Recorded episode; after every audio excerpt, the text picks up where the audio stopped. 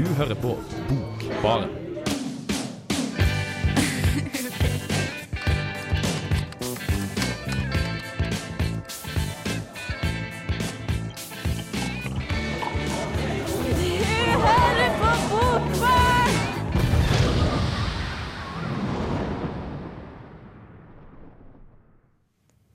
Hjertelig velkommen skal det være, kjære lytter, denne oktoberkvelden. I dag så har vi mye, litt av hvert på programmet. Blant annet eh, skal vi ha litt grann halloween, for det er jo tross alt eh, en av de siste dagene i oktober. Eh, mitt navn er Ingrid Kveim Skarholt, og det er jeg som skal lose dere gjennom denne sendingen. Og med meg i studio i dag så har jeg med meg Kristoffer Ervik og Maren Skolem. Hei, hei. Hello. Hei. Eh, og hva er det dere har med til oss i dag? Jeg har med Paris-syndromet av Heidi Furre. Ikke dårlig. Og du da, Maren? Jeg har med en bok som kom ut i 2002. Jeg har med barneboken eh, 'Coraline' av Neil Gaiman. Ok, Så det er du som skal sørge for litt halloween-stemning i denne sendinga? Jeg er halloween-alibiet. Yes. Halloween-alibi. Og jeg har med meg en eh, diktsamling som du faktisk kan få lov å bestemme litt over. Den heter rett og slett 'Du bestemmer' av eh, Bård eh, Torgersen. Og Vida hun kommer snart, snart, og hun skal ha med seg litt trist matematikk av Kjersti Skomsvold. Eh, men vi, Maren, du er vel du som er først ute i dag, er det ikke det? Det er visst det. Ja, og din eh, reportasje kommer etterpå, men eh, før det så skal vi lytte til We Are Twin med The Way We Touch. We are small, we are many, we are many, we are small. We are here before you rose, we will be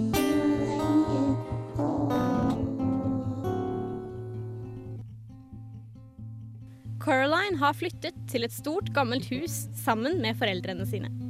Huset er altfor stort for en liten tremannsfamilie, så det er delt inn i fire leiligheter. I den ene bor Coralines familie. I den andre bor to pensjonerte skuespillerinner. I den tredje bor en rar, gammel mann som prøver å lære en flokk hvite mus å synge.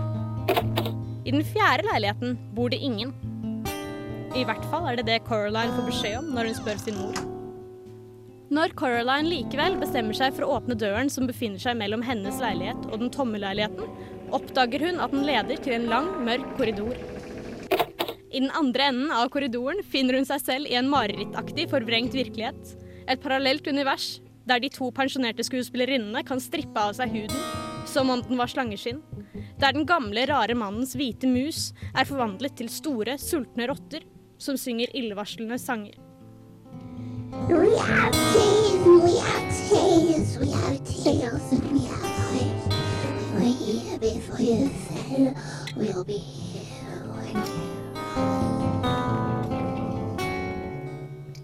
Hennes virkelige foreldre er tatt til fange og blitt erstattet med to menneskelignende skapninger som kaller seg Other Mother og Other Father. Other Mother og Other Father ser helt ut som foreldrene hennes hjemme, bortsett fra at de har store, svarte, billelignende klesknapper der øynene deres skulle ha vært. I en skål på kjøkkenet står en asjett med to knapper til i, og en lang, spiss nål. De er til Coraline, for at hun skal kunne bli en del av Other Mothers verden. Other Mother er en grusom, eiesyk kvinne som fanger barn inne i speil, sulter dem til døde i mørket og tar sjelene deres. For at Coraline skal få unnslippe, inngår hun et veddemål med Other Mother. Hun skal klare å finne tre sjeler gjemt i huset. Dersom hun klarer det, slipper hun, de døde barna og foreldrene hennes fri. Dersom hun mislykkes, vil hun tilhøre Other Mother for alltid. How big are souls anyway? asked Coraline. The other mother sat down at the kitchen table and leaned back against the wall, saying nothing. She picked at her teeth with a long, crimson, varnished fingernail. Then she tapped the finger gently against the black polished surface of her black button eyes. Neil Gaimans Coraline er en mørk, klaustrofobisk versjon av Alice i Eventyrland. Folk, dyr, portretter og steder som Coraline kjenner fra den virkelige verden, har alle sine groteske sidestykker i den tomme leiligheten på den andre siden av korridoren. Gaiman skildrer det overnaturlige, underlige og trykkende ubehagelige på en måte som vi ellers bare er vant til å se i Tim Burtons grøssere. I likhet med Burton skriver han også inn magi og skjønnhet, sett gjennom øynene på en skapning som ennå ikke har blitt tilpasset samfunnet. Coraline er en modig, rar og annerledes liten jente. Hun er en strålende heltinne i det som kanskje kan være det frykteligste eventyret skrevet i det 21. århundre.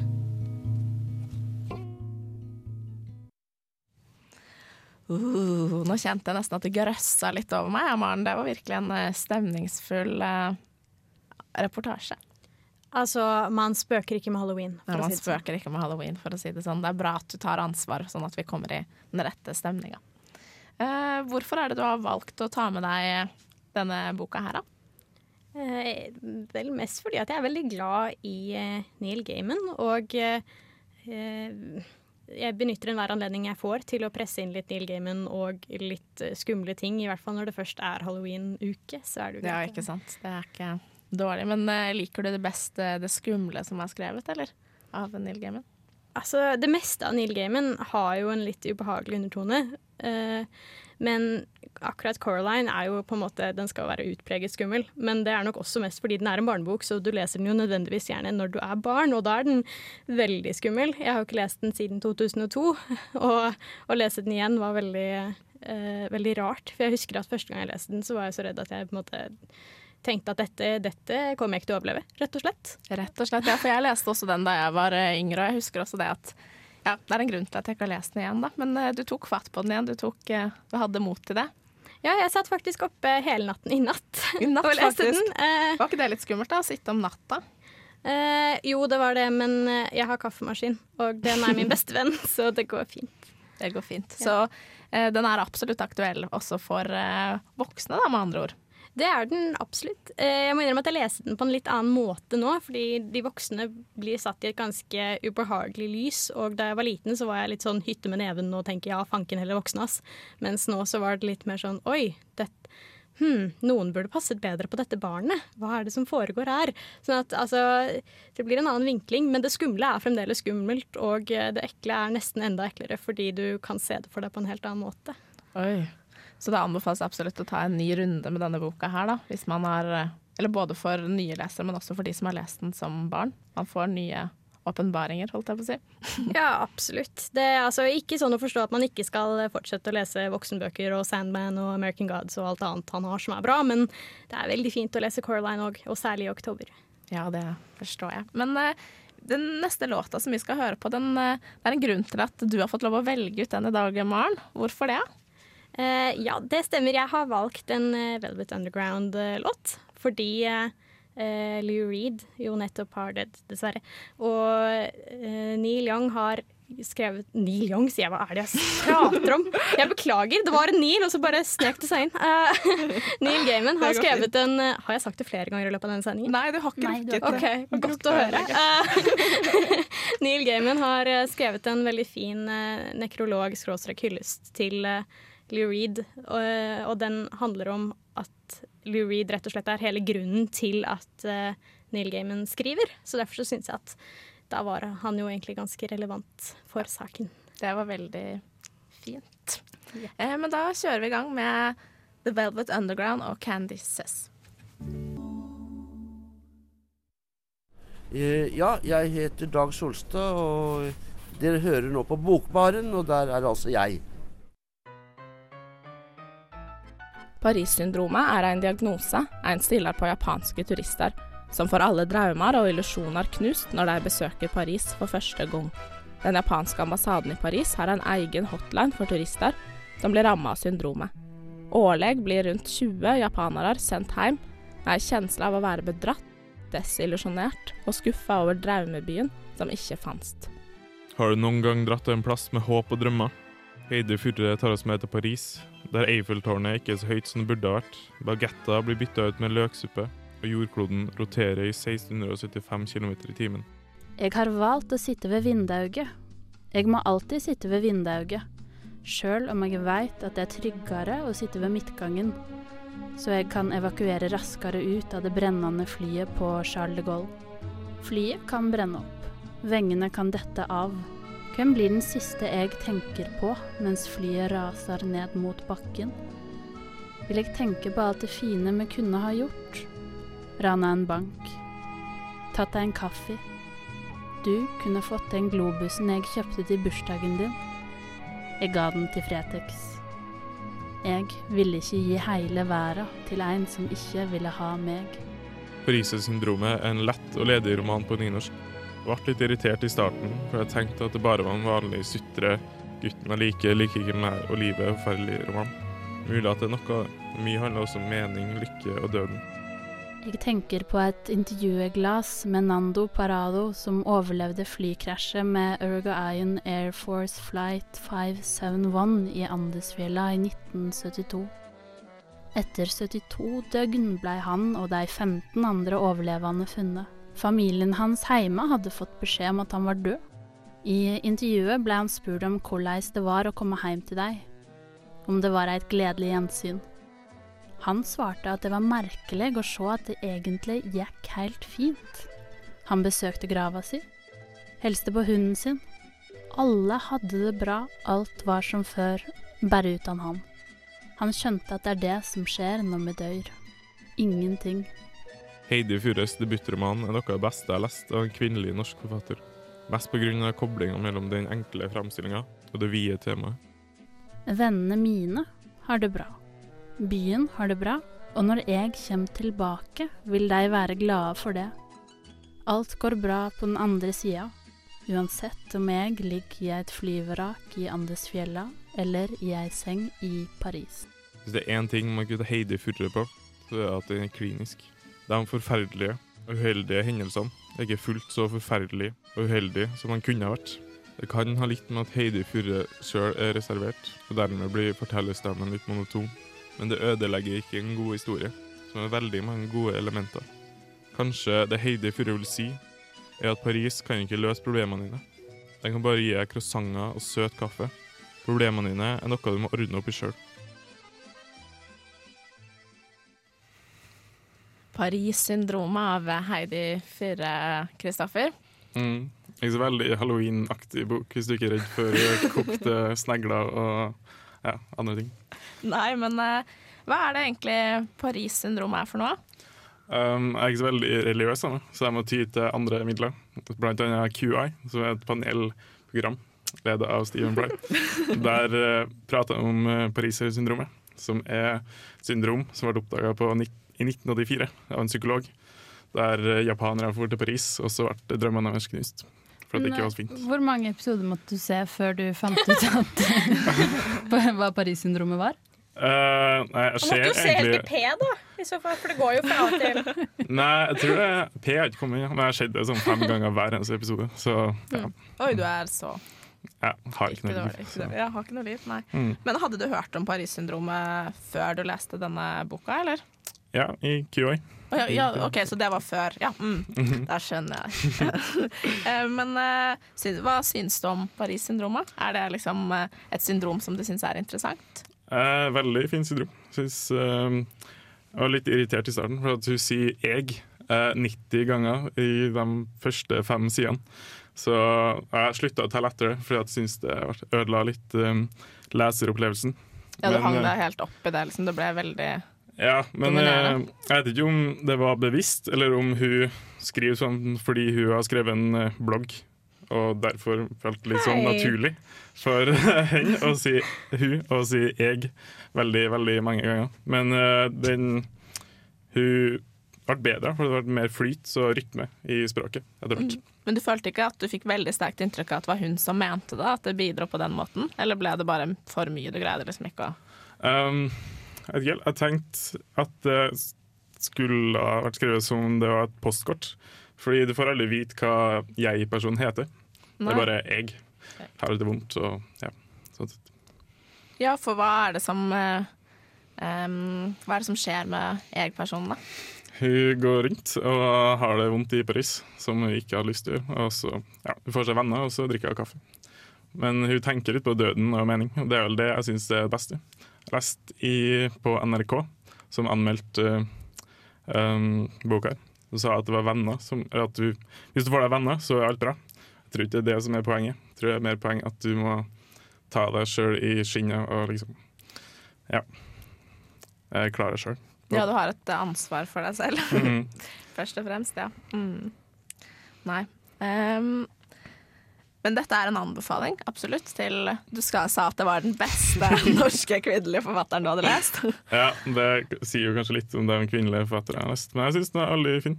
Nei, Eh, sånn der kan man ikke si eh, Nei, men altså det er Man kan si det, men så må man eh, ha et poeng med det. Fordi på en måte forfattere er forfattere uansett om de er kvinnelige eller mannlige. Og særlig tenker jeg når man anmelder en sånn bok av en, en jente som skriver om den typen problematikk som du forteller at hun gjør. Jeg har ikke lest boken, så jeg kan ikke uttale meg. eh, Og er utgitt på flamme. Og altså Du mener at du slutter å være kvinne i det øyeblikket du begynner på flamme? Eller du begynner, Omsider! Jeg er flammeperson, dermed er jeg blitt kvinne. Hvordan Jeg er sammenhengen? kanskje det er et poeng, fordi at kanskje Flamme setter de der jentene i et Eller jentene og guttene, egentlig, da. For det er jo gutter også, selvfølgelig. Setter dem i en litt vanskelig posisjon fordi at de blir så veldig Altså det blir en slags parodi, ikke sant? Mm. At de tar opp eh, eh, de der temaene som man blir så innmari sliten av å høre igjen og igjen og igjen. Er det egentlig så interessant å høre om unge norske menneskers streben etter søken i Paris? Altså, eh, hvor de har, de har alle muligheter og alle forutsetninger til å klare seg godt, og så, og så har de det ikke greit likevel fordi at de drar til Paris og ikke får seg venner med en gang. Og så ordner det seg da når de får seg en, en kaffedate. Så det er kanskje ikke så spennende, men akkurat det der, tilbake til det kvinnelige greiene, er jo Jeg syns at å si det i samme anmeldelse som en sånn anmeldelse av en sånn flammeforfatter, er, det er litt dumt. Det, det var ikke noe mot at hun var kvinne. Det var ikke sånn at hun er på 150 i forfatterrankinglista mi, selv om hun er kvinne. Hun var, jeg syns hun var fin. Jeg hadde ikke noe mer jeg kunne. Jeg hadde en penis, og jeg syns hun var like fin for det. Men uh, nei, jeg syns det var mange dype spørsmål. Og måten jeg, jeg personen, liksom utvikla seg med spørsmålene sine, at det ikke var samme dumme spørsmålene i gang eh, igjen og igjen, at det liksom utvikla seg, det var veldig bra. Men det som er litt interessant, eller syns jeg, da, med hele kvinnespørsmålet i denne boken, her, er eh, ville det vært en mer interessant eller original vinkling dersom det var skrevet av en mann, eller dersom jeg personen var en mann? Får du følelsen at dette er da veldig klisjé, alle prinsessejenter har lyst til å dra til Paris og spise makroner, liksom? Uh, ja, nei, jeg vet ikke helt. Uh, syns ikke Jeg tror ikke mange menn hadde kommet til å lese den. Jeg så på Flamme sine nettsider at det var mange Instagram-bilder av jenter som hadde på nattbordet sitt, som skulle lese den. Men eh, Men du tror ikke at mange menn ville ha lest boken? nei. Det må vi nesten få en grunn til. Eh, jeg vet ikke fordi det er, det er jo en han-person, eller en han-person som hun tenker på. Det er kanskje ikke gutta tenker mer på action og fotball og pupper. Ikke så mye på Er ikke det å være litt diskriminerende mot menn? Jo, men det er jo hun også. Hun, det er jo bare Ah, så du holder deg bare i tråd med Ja. ah. Altså Vi skal fortsette i samme driv her. Altså Hva med de små, tynne, spinkle Oslo-hipsterguttene med store briller som sitter og De leser allerede Men- Heidi Furre. Ja, det er det. Vi må ikke glemme dem. Men kjære dere, dette er en diskusjon som jeg tror vi kan eh, fortsette å, eh, å holde på en eh, god stund til. Men eh, jeg tror vi skal ha en liten pause og lytte til Naomi Pilgrim med No Gun.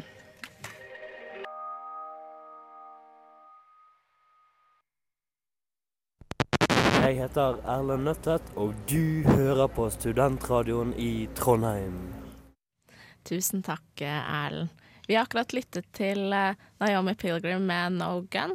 Eh, og den, vår neste sak på programmet er eh, Vidas anmeldelse av Litt trist matematikk, som er skrevet av Kjersti Skomsvold.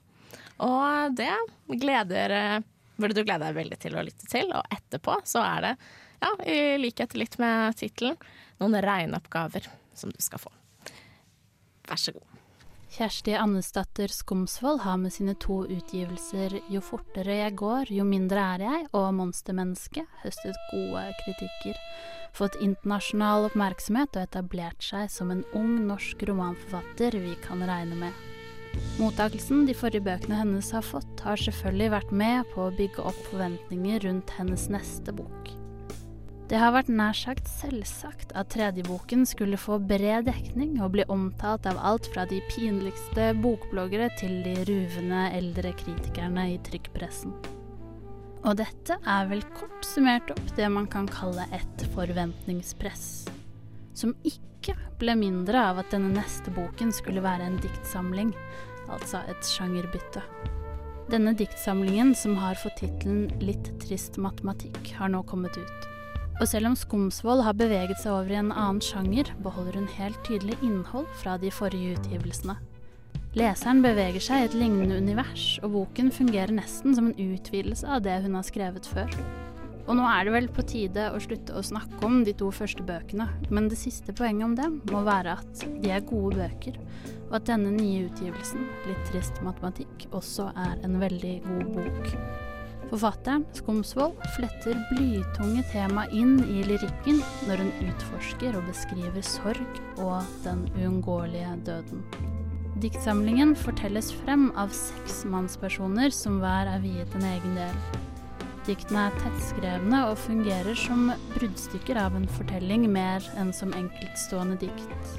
Og disse mennene er ikke hvem som helst. De har noen fellesnevnere som forfatteren viser tydelig frem.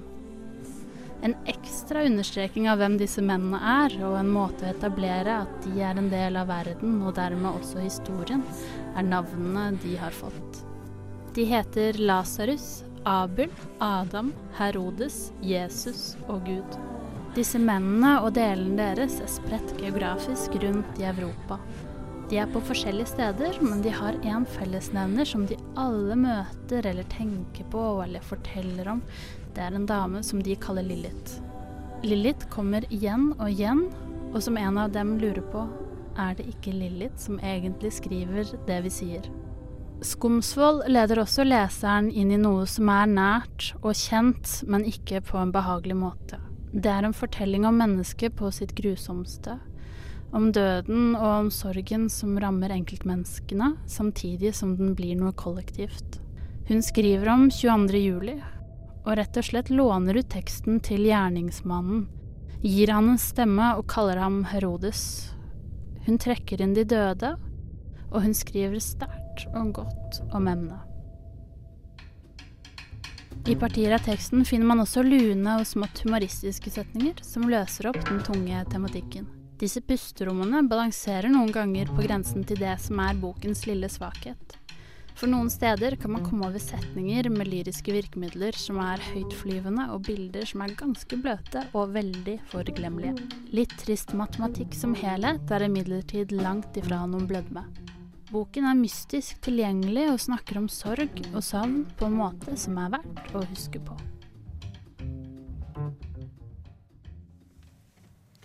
Ja, der hørte vi akkurat på litt trist matematikk av Kjersti Skonsvold.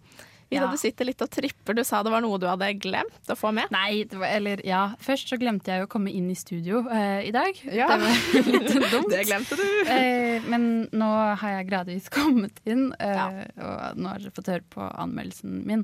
Så det er jeg veldig fornøyd med.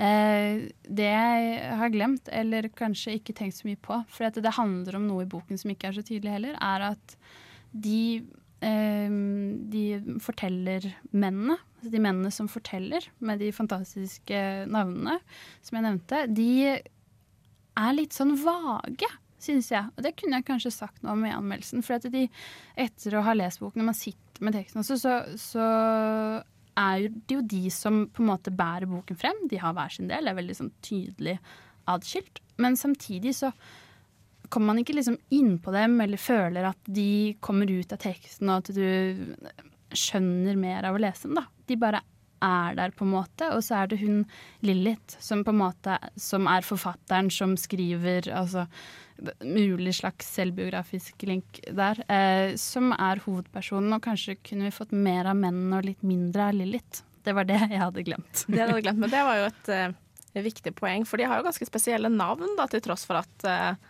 ikke får så mye plass. Det er jo ganske sånn navn som det hviler en del på, da. Ja, altså, jeg, jeg mener ikke at de ikke får plass, men at de ikke er så krystallklare i Ja, hva, hva slags deres funksjon er. Eh, Mhm. men, eh, men de navnene er jo de er litt på kanten, syns jeg. Altså, på det, er litt ja. mørkt, hvis man kan si det. Fordi at det, det er jo veldig sånn eh, store øyeaspirasjoner, liksom, på, i en sånn ellers lavmælt diktsamling. Så jeg lurer litt på hva hva deres funksjon egentlig er, og hvorfor man skal trekke sånne referanser som man jo gjør, ved å kalle noen Jesus og Gud. Eh, Ja, det er eh, og når det er en som altså Jesus for eksempel kan jo være et poeng, for at hun, det er jo om sorg og savn, og at måte, det er en som forsvinner, en som dør, eller Jesus hun leker litt, eller skriver litt rundt det at hun at han tar livet sitt, eller eh, Det er litt sånn uklart der. Men vet du, han, han dør jo. Det er jo en person i historien som vi er helt sikre på. Altså Hvis vi lurer på om en person har død, så er det helt garantert Helt at Jesus er i hvert fall død på et tidspunkt. Men så kommer han jo tilbake igjen. Og Så det det er jo veldig sånn tydelig problemstilling der, men det kanskje, hun hadde kanskje ikke trengt å kalle den personen for Jesus. Nei. Ei heller han andre for Gud. Jeg skjønner. Jeg skjønner.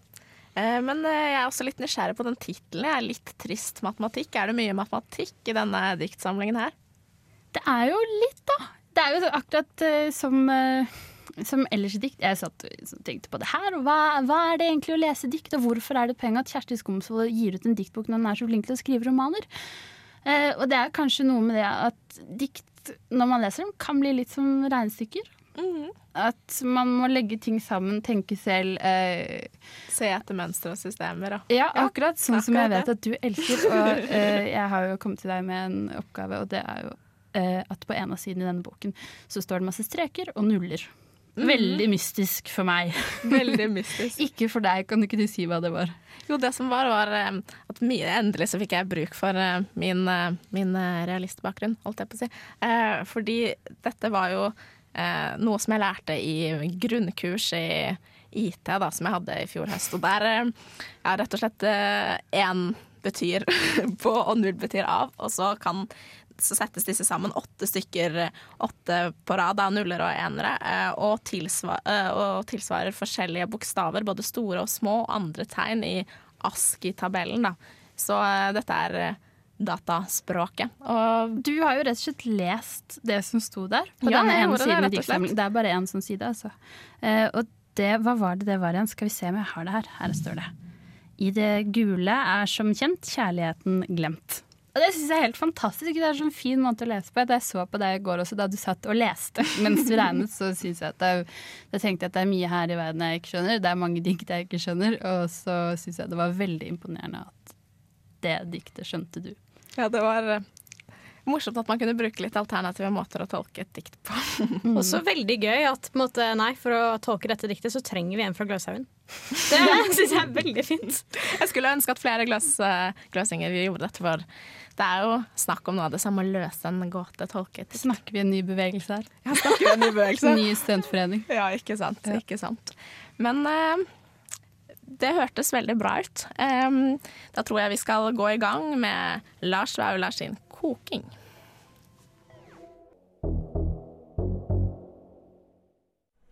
Hej, du lytter til Jens Blindstrup fra Danmark, og nu skal du høre Bogbaren. Uh! Vi setter pris på din hjelp. Vi er her for å lytte til dine synspunkter. Det er viktig for oss at du deltar på dine premisser. Husk at du forblir anonym så lenge du vil. Som sagt er vi takknemlige for din deltakelse. Den betyr mye. Dette vil ikke ta lang tid. Lykke til. Du bestemmer.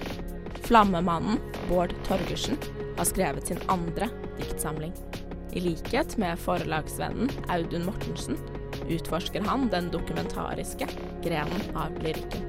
Du bestemmer er som tittelen sier, en samling leseren selv er med å forme. Dine svar på personlige, utfordrende spørsmål skaper ikke bare det kunstneriske uttrykket. Nei, det blir faktisk også ditt selvportrett. Dette er et morsomt forsøk på å tilgjengeliggjøre poesien for massene. Og nettopp derfor ville Torgersen vært tjent med å dytte grensen enda lenger. Du trenger ikke akkurat lete mellom linjene for å forstå at dette er en litterær tekst, litt utenom det vanlige. Boka bokstavelig talt glinser mot deg, og byr på en spørreundersøkelse med lyriske undertoner. For første gang, kanskje, kjenner du en liten kribling når du svarer på standardiserte personopplysninger. Hva venter deg på neste side? I likhet med vanlige spørreundersøkelser begynner du bestemmer lett forståelig, og svarene kommer på løpende bånd. Etter hvert blir spørsmålene mer personlige, og desto vanskeligere å besvare. Temaene spenner vidt, og det kan være krevende å finne en ordentlig rød tråd, en verdig fellesnevner. Her skal du i det ene øyeblikket rangere ønskelig religion på naboen din, og i det andre finne europeiske fellesreferanser. Alternativene er likedan. Noen er korte og logiske, andre utdypende og absurde. Enkelte ganger finnes det tydeligvis bare ett riktig svar. Hvor vil han hen, denne Torgersen? Det er her det litterære får innpass. For i motsetning til sin samfunnsengasjerte statistikkhekta tvilling, trenger ikke denne undersøkelsen like målretta informasjon. Det er kort og godt du som leser som skal under lupen. Du bestemmer. For å løse denne oppgaven benytter Torgersen seg av et tiltalende fortellergrep, der distansen mellom leser, bok, forfatter er knapt en hårsbredd å regne. Anonymiteten, som ofte er en viktig forutsetning for deltakelse i utgangspunktet, viskes ut og erstattes med en overhengende følelse av at noen ser deg. Svarene dine angripes av retoriske spørsmål med tvilsom tro på ærligheten din. For det er kanskje sant, du var vel ikke helt ærlig, så fordomsfri eller hardhuda som du ga inntrykk av. Vil du stå for alt det du sier? Nå. Konsentrer deg før du svarer. Følger du skikkelig med? Hører du ordentlig etter? Er det deg dette gjelder? Vil du fortsatt være anonym? Hvem er du? Hvorfor skal vi velge deg? Er det noen du kjenner som kan erstatte deg? Vi baserer oss på gjensidig tillit. Vi må være sikre på at du forstår det vi sier. Det vi har fått vite om deg nå, ser ikke til å samsvare med tidligere informasjon. Vi har grunn til å tro at du holder informasjon tilbake. Det er menneskelig å være svak. Vi vil gjerne vite alt. Et viktig poeng er selvsagt hvorvidt denne tvilen plantes av forfatterens stemme, snarere enn din kvalmende magefølelse. Er det egentlig du som bestemmer? Du får i hvert fall kjenne på det. For det er mange spørsmål det er lite OK å besvare. Ja, du møter deg selv i døra noen ganger. En kan selvfølgelig velge å ikke bry seg. For evnen til å overbevise skorter litt noen ganger. Neste gang, Torgersen, må du grave enda dypere. Stille rarere spørsmål. Være litt morsommere. Du må gripe den sjansen til å skape litteraturens tetteste bånd mellom leser og forfatter. Men én ting er i alle fall sikkert. Er du villig til å delta i dette litterære prosjektet? Vel, du bestemmer. Ja, da hørte vi først på Lars Vaulars koking, og etter det så var det min eh, sak eh, eh, altså 'Du bestemmer' av Bård Torgersen. En eh, spennende diktsamling. Ja. Det høres jo relativt spesielt ut. Det jeg lurte på var, det er bare jeg lurte på hvordan du klarer å lese en sånn tekst. For den er veldig sånn oppstykket. Og ja, går det fort, eller klarer du å stoppe opp når du leser? Ja, for det var litt sånn som jeg sa, i, sa er at det begynner veldig enkelt, og da går det ganske fort. på en måte. Da tenker du ikke så mye over hva du svarer, for da er det bare sånn Er du kvinne? Er du i den og den aldersgruppen? Er du student? Eh, men så etter hvert så kommer det litt vanskeligere spørsmål som du bruker tid til å tenke på, akkurat som du bruker tid på å tolke et dikt eller ta pauser, og da de blir jo, eh, og de, det svaret du gir, blir jo, forteller jo noe om hvordan du tolker et dikt, eller hva, hva, hva det spørsmålet gir deg. Da. Så da får du jo litt tid til å tenke når det, når det blir vanskeligere å Mm. svare på spørsmålet. Mm. Det ga meg veldig assosiasjoner til uh, Rectis Journal. Er det noen av dere som har brukt det? Det er eh, eh, en type skrivebok som eh, du kjøper på liksom, Urban Outfitters og andre steder hvor det er usannsynlig å finne en skrivebok. Eh, og der er eh, poenget at du får oppgaver som eksempel Nå er denne boken din eh, paraply. Nå skal du bruke den i regnværet. Eller? Og du skal bruke den til forskjellige oppgaver som ikke er å skrive eller å lese. på en måte. Men da er også tanken at du skal lære, deg, lære om deg selv ved å på en måte besvare rare spørsmål osv. Men problemet med den er at hos veldig mange så blir den liksom bare stående i bokhyllen veldig veldig lenge uten at man gjør noe med det. Er det litt sånn med Bård Orgersen også? At det blir litt sånn OK, nå har jeg skjønt konseptet, artig konsept, jeg orker ikke å utsette meg for hele. Det er litt som jeg sier også, at det er ikke så krevende spørsmål. Jeg skulle ønske at de var enda mer krevende, så man faktisk lot den stå. At man stoppet enda mer opp. Man tør å ta en ny side litt for fort, syns jeg. rett og slett. Eh, men da tror jeg vi skal snurre i gang med MI... med YALA. Ja, da begynner vi å nærme oss slutten på denne sendingen sene oktoberkvelden. Eh, og derfor så lurer jeg på om vi kan kanskje er litt på tide med en liten oppsummering. Men eh, dere får to ord hver alle sammen til å, til å prøve å si det viktigste dere har hatt med i dag. Vida? Nei, hvorfor skulle jeg Nei, Kristoffer. Jeg kan ta Kristoffer først. Eh, diskriminerende mot Heidi og alt du står for. Han fikk mange ord. Kan jeg få både god halloween og le snill-gamen? Ja da. ja da. OK, god halloween, Jeg nekter å være med Bindekonvensjonen! bra. Kjersti Skomsvold, bra bok. Det ble tre. Bra bok. Ingen av oss kan telle. Dette er faktisk litt trist. Men vet du Det er bare Ingrid som kan Bare telle. jeg som kan telle, ja. Det var det med litt trist matematikk og koding og Ja, fordi jeg kan også si 'du bestemmer', for å si to ord, men eh, jeg kan jo for så vidt si noe mer òg, da. Gjør det. noe mer også. Eh, jeg syns absolutt at eh, det er spennende å utforske dikt, eh, diktsjangeren. Og spørreundersøkelser, det, det er vanskelig å besvare det noen ganger. Skulle gjerne ønske at det var enda vanskeligere i dette tilfellet her. Men ja. Det har, syns dere at det har vært skummelt i dag? Det var bare Maren som lovet som hadde litt skummelt å by på, men jeg vet ikke, det indre sjelslivet er kanskje litt skummelt òg. Det er, det er det skumleste i hele det verden. Det vi har snakket om i dag, egentlig. Det Ja, er Kristoffer snakket om. Mm. Kjempeskummelt. Jenter. Det er sant. Det snakket han om. Det ble han redd for. Jeg også har jo lest om skumle ting. Døden er jo ganske skummelt. Ganske så skummelt. Ja. Gud er enda skumlere. Spørreundersøkelser prøver jeg å unngå. Men jeg vil gjerne si takk til dere, Kristoffer Ervik, Maren Skolem, Vida Sundstedt Brenna og meg selv, Ingrid Kveim Skarholt, og teknikeren vår, Camilla Brenne. Nå får du Schoolboy Q med Banger.